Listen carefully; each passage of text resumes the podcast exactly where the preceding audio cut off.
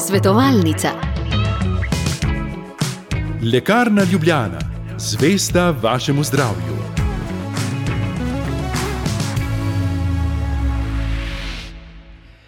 Drage poslušalke in dragi poslušalci, začenjamo s pravnimi zagatami. V našem studiu je odvetnica Mateja Maček, lepo zdrav. Dobro jutro. Zdravi. Tako je. Odlično. Ja. Sem slišal, da je bila težava prejšnjič, ampak se zgodi. Se zgodi. Ne moremo pomagati. Virusi skačejo okoli in pustijo Tako. posledice. Dobro, bomo nadomestili zdaj. Skratka, če imate vprašanje, oddaja poteka v živo, nič 1, 512, 10, nič, nič je naša telefonska številka, nekaj vprašanj pa imamo seveda tudi na zalogi. Trije dediči smo, do ene tretjine so lastniki enodružinske hiše, podedovane po starših. Ali je mogoče, da eden od dedičev izsili delitev hiše, za katero se ostala dva dediča ne strinjata? Vsekakor nedvomno drži, da nihče ni prisiljen ustrajati v neki solastninski skupnosti. Stvarno pravni zakonnik pravi, da lahko vsak od solastnikov predlaga delitev solastnine, razen če bi bilo glede na pač kre določene okoliščine to takrat tisti trenutek mogoče neprimerno, ampak sicer pa, da eden od solastnikov lahko zahteva delitev hiše, če zdaj uporabljam izraz, izraz naše poslušalke, eh, izsili delitev solastnine, eh, pri čemer pa seveda je možna dogovorna, eh, dogovorna delitev, kar je mogoče deliti ali v naravi ali s civilno delitvijo, kaj to pomeni, da nekdo recimo. Drug, prevzame od uh, drugega njegov solastninski delež in mu uh, izplača vrednost tega solastninskega deleža, to je civilna delitev, ali vsebinsko bi že skoraj lahko rekli, da gre za prodajo, čeprav pravno je mečkon drugače.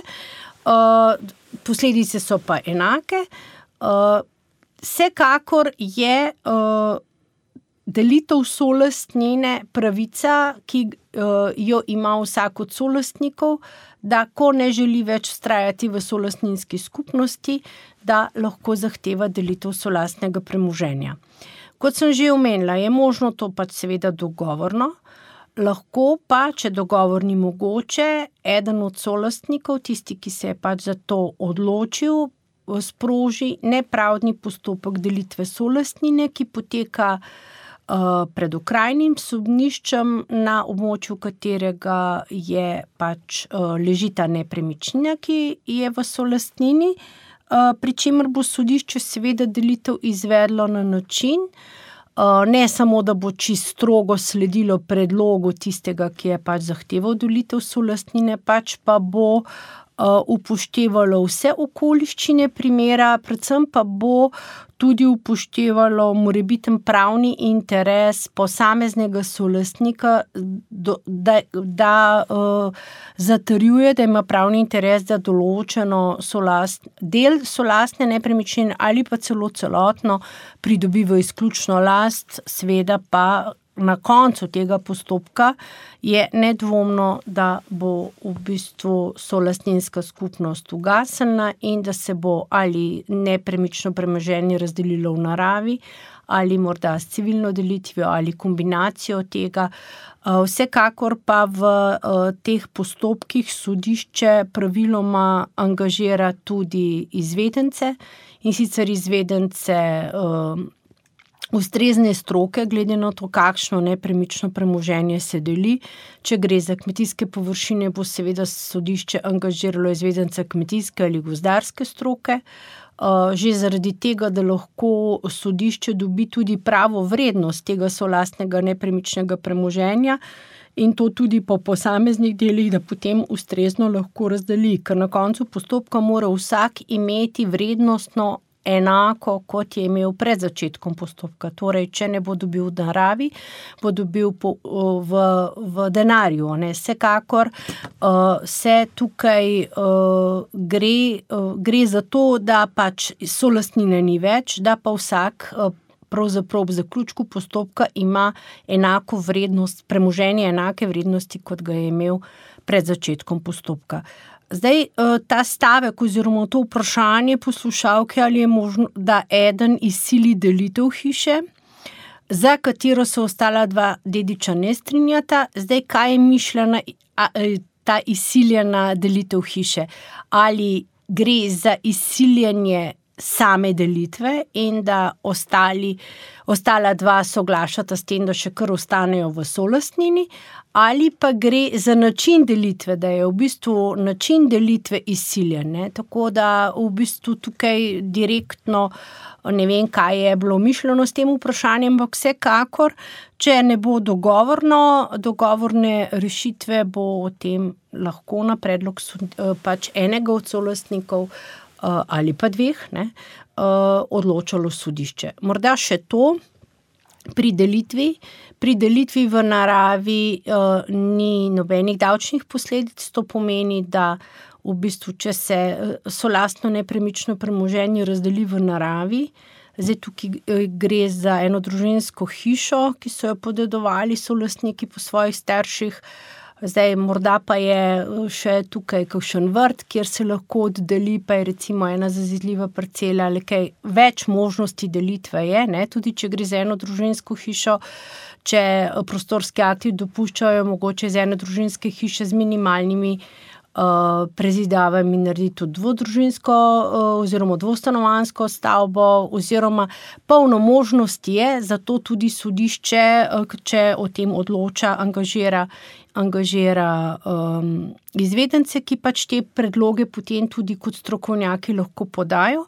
Kar se pa davčnih posledic tiče, kadar je delitev v naravi, samo v naravi, torej da ni nobenega finančnega toka, takrat seveda nobenih davčnih posledic v smislu tega, da je treba plačati davek na promet z nepremičninami. Ni.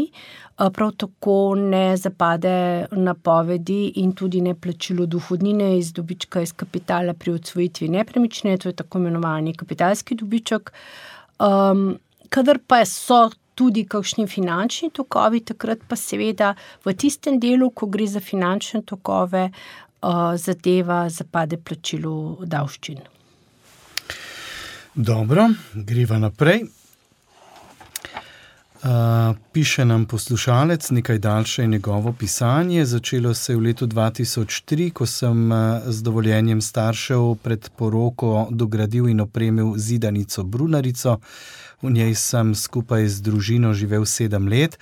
V tem času smo se v hiši mojih staršev z vlastnimi sredstvi uredili tudi podstrešno stanovanje, saj smo se dogovorili, strinjali so se tudi sorojenci, da bomo kasneje prevzeli skrb za njiju, ko bosta obnemogla, ona dva pa nam bosta zapustila premoženje za dosmrtno preživljanje. Leta 2012 smo se preselili na lokacijo mojih staršev, obnovili hišo, obnovili tudi tudi gospodarska poslopja, popolnoma na novo postavili nove objekte, uredili dvorišče. Ulaganja so bila v izključni domeni moje družine, ko smo zadevo zaključili.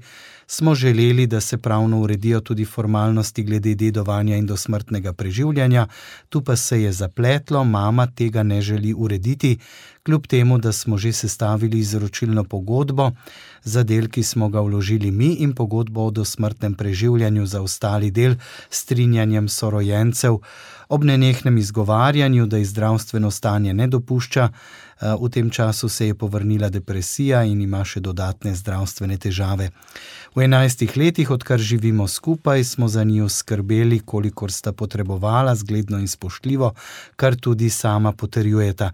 Glede na razmere se sprašujem, ali bomo pogodbo sploh lahko podpisali, lahko bi jo samo z očetom.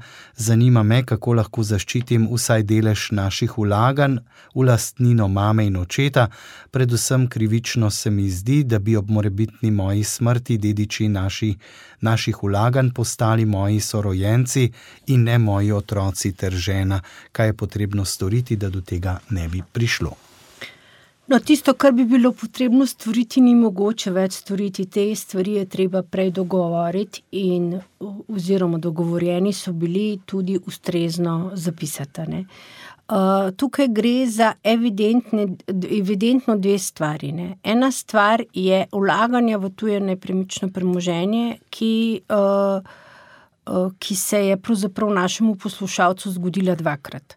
Prvič je vlagal v neko brunarico, v nek objekt, ki je bil pravzaprav, če jaz prav razumem, uh, ta zidanica je pravzaprav imela samo obod, samo v bistvu zunanje stene, nikakor pa ni šlo za, uh, za nek uh, objekt, objekt, ki bi imel polno funkcionalnost in pač možnost bivanja, kar je v bistvu dejansko naredil iz, če hočemo, nekega gospodarskega objekta. Uh, Bivalni. V bivalne prostore. Ne? In druga stvar, ki je, je potem spet tisto, kar so izvajali na lokaciji, kjer sedaj živijo, a ne stanovanski prostori v podstrešnem stanovanju, ne samo to. Uredili so si seveda tudi okolico, uredili nove objekte na tej lokaciji, kjer pa živijo tudi starši. Prva stvar, ki je, ker očitno ni problem nista problem oba starša, ampak je problem samo mama, bi jaz rekla, naredite brez, uh, brez mame, pač, če sta oče in mama polo, vsak polovico lastnika. Pol problema rešite s tem, če z očetom uredite tisto in ne na zadnje naj v tej pogodbi tudi jasno piše. Uh, da oče potrjuje te dogovore, v katerih pravzaprav zaenkrat ni nobenega, nobenega uh, spora. Druga stvar, um, Meni je zanimivo to, da so tukaj govorili, oziroma piše, da naj bi z izročilno pogodbo bilo uh, pokrito tisto, kar, kar je poslušalec svojo družino investiral, in s pogodbo o dosmrtnem preživljanju za preostali del, s čimer naj bi soglašali tudi sorojenci. Lejte, uh, priznanje lastninske pravice iz naslova vlaganja je nekaj drugega. Izročilna pogodba je neodplačna pogodba, kjer pač, recimo v tem konkretnem primeru, starš ali starša uh, razdelita del svojega premoženja ali pa celo celotno, v tem primeru gotovo samo del svojega premoženja nekemu konkretnemu potomcu, a ne ostali. Uh, sorojenci, oziroma ostali, morebitni bodoči dediči, pa s tem soglašajo. Zdaj, v izročilni pogodbi se lahko sicer napišejo vse ta vlaganja, ampak uh, najbolj čista uh, pogodba, ki ustreza uh, priznanju lastninske pravice iz naslova vlaganj, če je pač to bilo dogovorjeno, je pogodba o priznanju lastninske pravice, kjer se natančno navede, da so bila ta in ta vlaganja izvedena, se jih natančno opiše in se jih tudi ovrednoti v, seveda, nekem ulomku napram celoti. Treba je upoštevati, ne gre samo za nominalno vlaganje v neko tujo nepremično premoženje, v tem konkretnem primeru v nepremično premoženje staršev, pač pa gre za to, da se ugotovi, da gre za investicijska vlaganja, ki pomenijo bistveno povečanje vrednosti, vrednosti nepremičnine. Ne. Mnogokrat, a veste, mnogokrat um, se pri svojem delu srečujem s tem, da nekdo reče: Ja, recimo podobna situacija kot tukaj, smo s svojimi sredstvi si uredili podstrešno stanovanje. Ampak zdaj je vprašanje, ali je bila to surova etaža kjer ni bilo nič razen zunanjih obodnih sten, pa kritine, pa ostrešja, in je bilo potrebno vse narediti, od inštalacij do tlakov, do prezidov, do ometov, skratka, praktično skoraj vse, razen da imaš uh, tla pod nogami, pa streho nad glavo. In, uh, ali pa gre za to, da si urediš že urejene prostore, treba je pa recimo dati samo še talno oblogo, pa treba je postaviti pohištvo, pa treba je. Uh, recimo namontirati radiatorje, inštalacije pa so že pripeljane, pa recimo morda je treba narediti kopalnico ali pa že tudi je. Mislim, tukaj, a veste, urediti podstrešno stanovanje, to je zelo lahko širok, širok pojem. pojem in zelo raztegljivo, ne? ker mnogo krat ljudje tudi ne ločijo, kaj so vlaganja in kaj je vlaganje, ki pa pravzaprav ni investicijsko vlaganje v nepremične, to je recimo opremiti stanovanje, ne? opremiti stanovanje ali pa recimo ima etaža že parkete, pa ti parketi niso všeč, pa etaž drugačne. Ne? Mislim, Eh, zaradi tega ni nujno, da se je bistveno povečala vrednost nepremičnega premoženja. Ne. Tako da v tej konkretni, zdaj sem malo zašla in zraven razlagam, ampak uh, v tej konkretni uh, situaciji bi absolutno uh, svetovala, da poslušalec uredi saj z očetom zadevo do te mere, kot je pač mogoče. In uh, potem pač ostalo, pa naprej. In tudi če uh, A veste, tudi če uh, zdaj se sorojenci strinjajo, potem, če drugega premoženja ni, je pa morda varijanta, da se sorojenci odpovejo dedovanju po starših in to pomeni, da potem v vsakem primeru bo uh, naš poslušalec edini dedič svojih staršev. Uh, ampak tukaj je premalo podatkov, vsekakor pa je pametno, da se zadeve uredijo, če ne drugače, da se zadeve uredijo za tisto, kar je bilo izrecno pač, kar so bila izvedena vlaganja. In pa upam tudi, da. Je postalo jasno, ne, da se je treba pač eh, prej uh, zagotoviti podpise in uh, skleniti pogodbe, in tako naprej. Ja, se lahko se napiše, to pa to boš naredil, potem, ko boš pa narejeno, bomo pa to še dokončali z neko um, aneksom k tej pogodbi, kjer bomo ocenili vrednost in tega.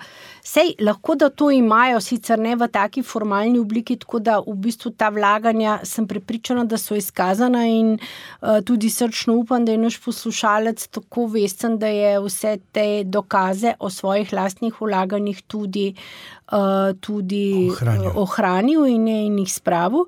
Uh, je pa gotovo res, da. Um, Mnogi ljudje, potem, ko pa treba nekaj prepisati nekoga drugega, imajo pa s tem težave.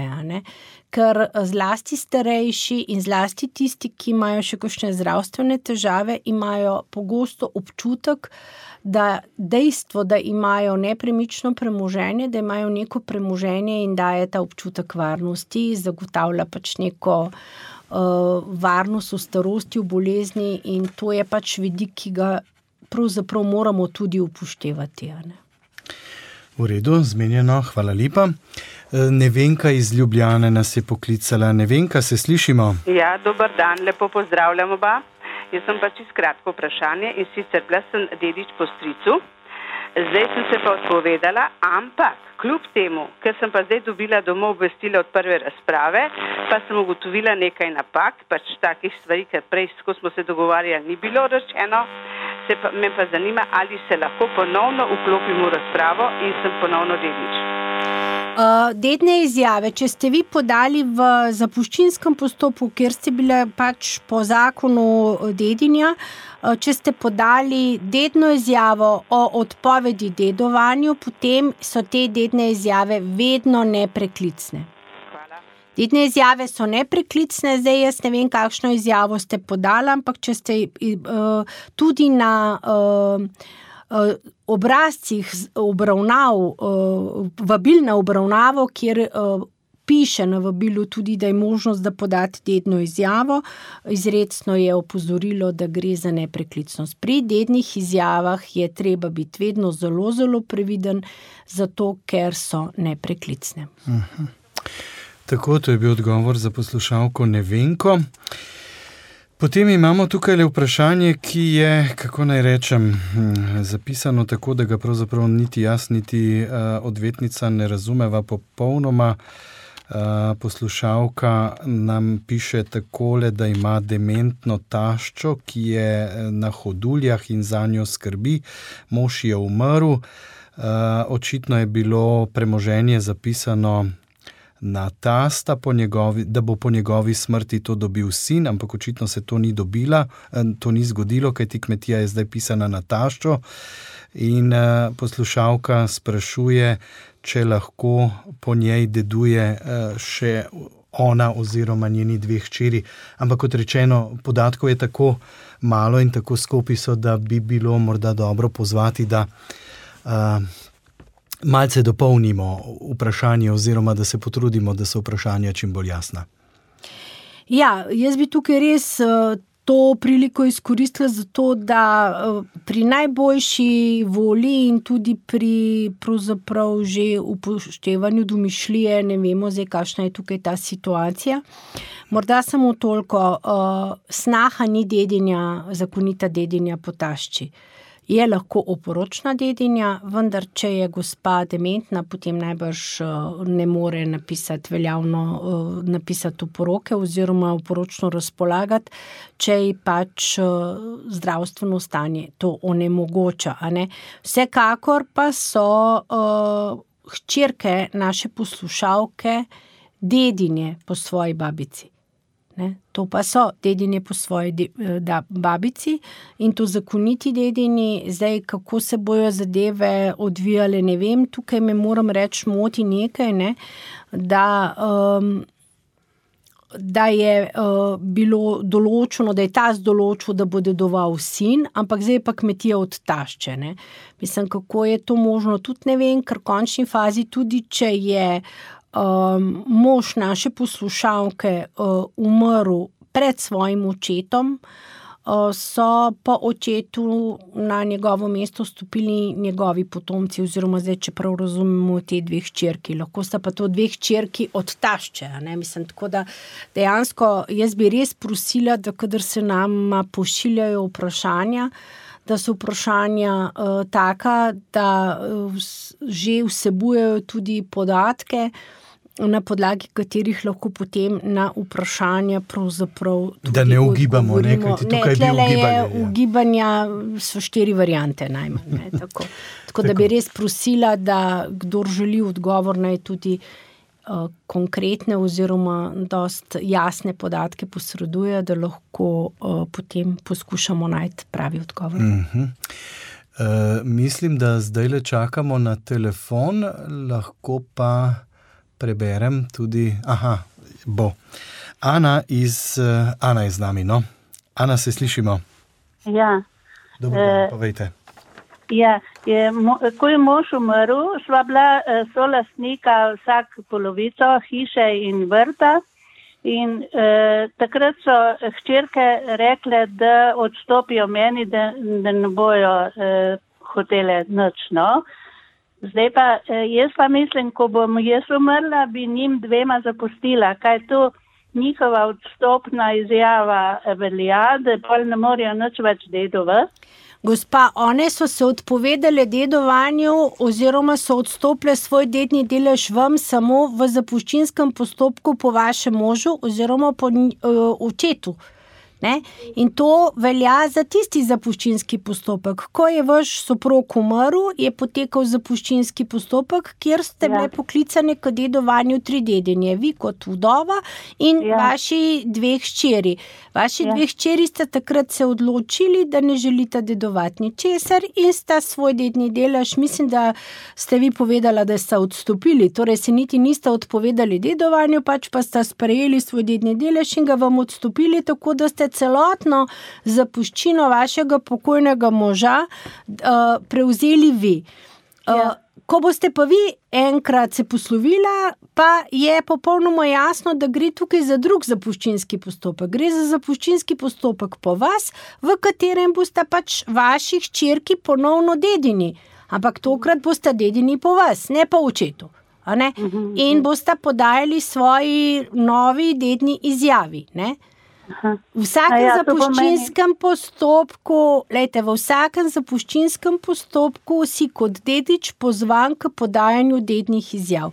Da se priglasiš k dedovanju, da dediščino sprejmeš, da se priglasiš k dedovanju, dediščino sprejmeš, pa jo nekomu odstopiš, ali pa da se odpoveš dedovanju.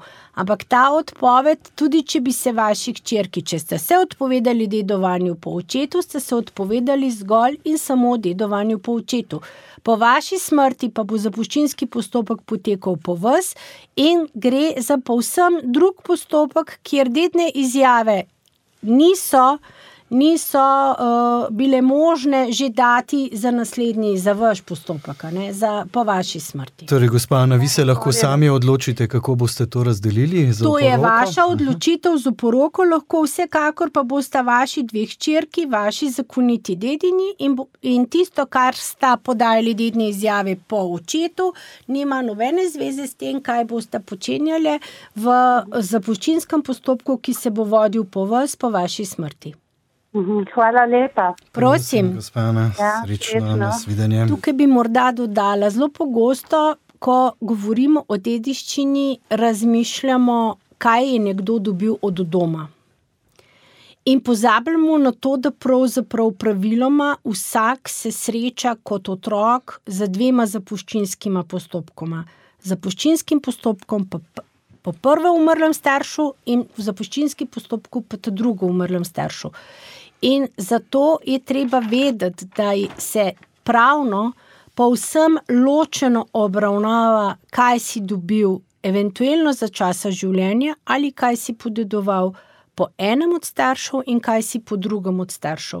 In zaradi tega, ker pa mi to doživljamo kot celoto, kar je na nek način čist normalno in naravno, pa seveda pride potem do tudi takih vprašanj, kot, jih, kot ga je zastavila poslušalka, in tudi razmišljanje, ali so stvari te povezane, ali so stvari povezane ali ne.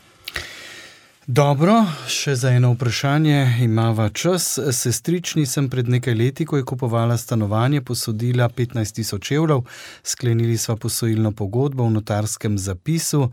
Eh, neposredna iz. Um, Vršljivost, najbrž. Ja. Tako, s katero je bilo določeno, da mi denar vrne najkasneje do 30. decembra lansko leto. Dejansko mi je sestrična v začetku vračala v obliki majhnih zneskov, ki jih je nakazovala na moj bančni račun, še vedno pa je dolg večji kot 12 tisoč evrov. Kaj naj storim? Zdi se mi, da so sestrična meni, da se ne bom odločila za sodno pot in se zdaj izmika prav tako nimava več toliko stikov kot nekoč. No, glede na to, da je bila sklenjena posojilna pogodba v obliki notarskega zapisa s klauzulo neposredne izvršljivosti, pomeni, da dejansko naša poslušalka razpolaga z izvršilnim naslovom, ki ji daje podlago, da od svoje sestrične, torej dolžnice, izterja izterja uh, dejansko dolgovani znesek in sicer tako, da direktno gre v izvršilni postopek. Uh, glede na to, da se je pogodba sklepala pred notarjem v obliki notarskega zapisa, uh, je pogodba napisana na način, da lahko naša poslušalka na podlagi tega notarskega zapisa neposredno sproži izvršilni postopek. Uh, in sicer vloži predlog za izvršbo. V predlogu za izvršbo bo ta notarski zapis izvršilni naslov. Uh, seveda je prav, da v predlogu navede tiste zneske, za katere je bil dolg plačan, potem pa da navede v predlogu kaj je tisto, kar se dolguje. Verjetno pogodba določa tudi obročno plačevanje in da obresti tečejo od zapadlosti posameznega obroka. Skratka, treba je natančno v predlogu napisati, kaj je tisto, kar se resnično dolguje, in potem predlagati izvržbo. Uh, izvršbo predlagati, uh, pri tem je pa pomembno, da v predlogu se navede tudi, na uh, katero sredstvo izvršbe naj se pač uporabi, na katero premoženje dolžnice naj se z izvršbo poseže. Zdaj, če je ta sestrična zaposlena, je seveda ena od možnosti. Njena plača? Njena plača in ostali prihodki iz dela. Glede na to, da je pravzaprav sestrična si denar sposodila za nakup stanovanja, je mogoče seveda tudi poseči na to nepremičnino. Morda bo to pravzaprav stvar, ki jo bo najbolj streznila. Um, vsekakor bi pa jaz morda svetovala, ker gre vendarle za sorodnike, da ji naj uh, pisno poslušalka še zadnji opomin pred sprožitvijo sodnega postopka pošle, morda tudi preko kakšnega odvetnika, v nasprotnem primeru pa nima kaj čakati, ker tukaj pač so stvari jasne. Uh, celoten znesek. Že pol leta minilo. Ne? Dober, ja, seveda, pol leta, seveda, če je 30. decembra lansko leto bilo rok za vrčilo celote, pomeni, da je pravzaprav še bistveno dalj časa. Ne vem, pogodbe nimava tukaj pred sabo, da bi zdaj vedela, ali obročno, najkasneje pa do 30. decembra 2022, ali je kako drugače, sej ni bistveno. Bistveno pa je, da. Uh, Hočem reči, da je treba odreagirati. Ne? Absolutno, absolutno je potrebno odreagirati. In ker je bila uh, pogodba posojilna sklenjena v, izvrš, uh, v izvršljivem notarskem zapisu, pomeni, da si je na ta način uh, naša poslušalka prihranila en postopek in sicer pravni postopek, v katerem bi morala dokazovati, da je denar posodila in da ga ni dobila nazaj. Zdaj ima prav izvršilni naslov, to je ta možnost, ki jo daje. Pač zakon o izvržbi in zavarovanju, kot tudi zakon o notarjatu, tako da v bistvu lahko neposredno sproži, sproži postopek. Enako kot ga recimo sprožijo izvršilne postopke banke, kreditodajalke, če kreditojemalec svojih obveznosti iz posojila ne izpolnjuje. Tako, drage poslušalke in dragi poslušalci, to je bila današnja svetovalnica s pravnimi zagatami, odvetnici Matej Maček. Hvala lepa za obisk v našem studiu. To je bila prva sreda v mesecu maju, 17. maja pa spet pozdravljeni. Tako je, srečno. Svetovalnica. LL Viva, specializirana prodajalna z medicinskimi pripomočki. LL Viva.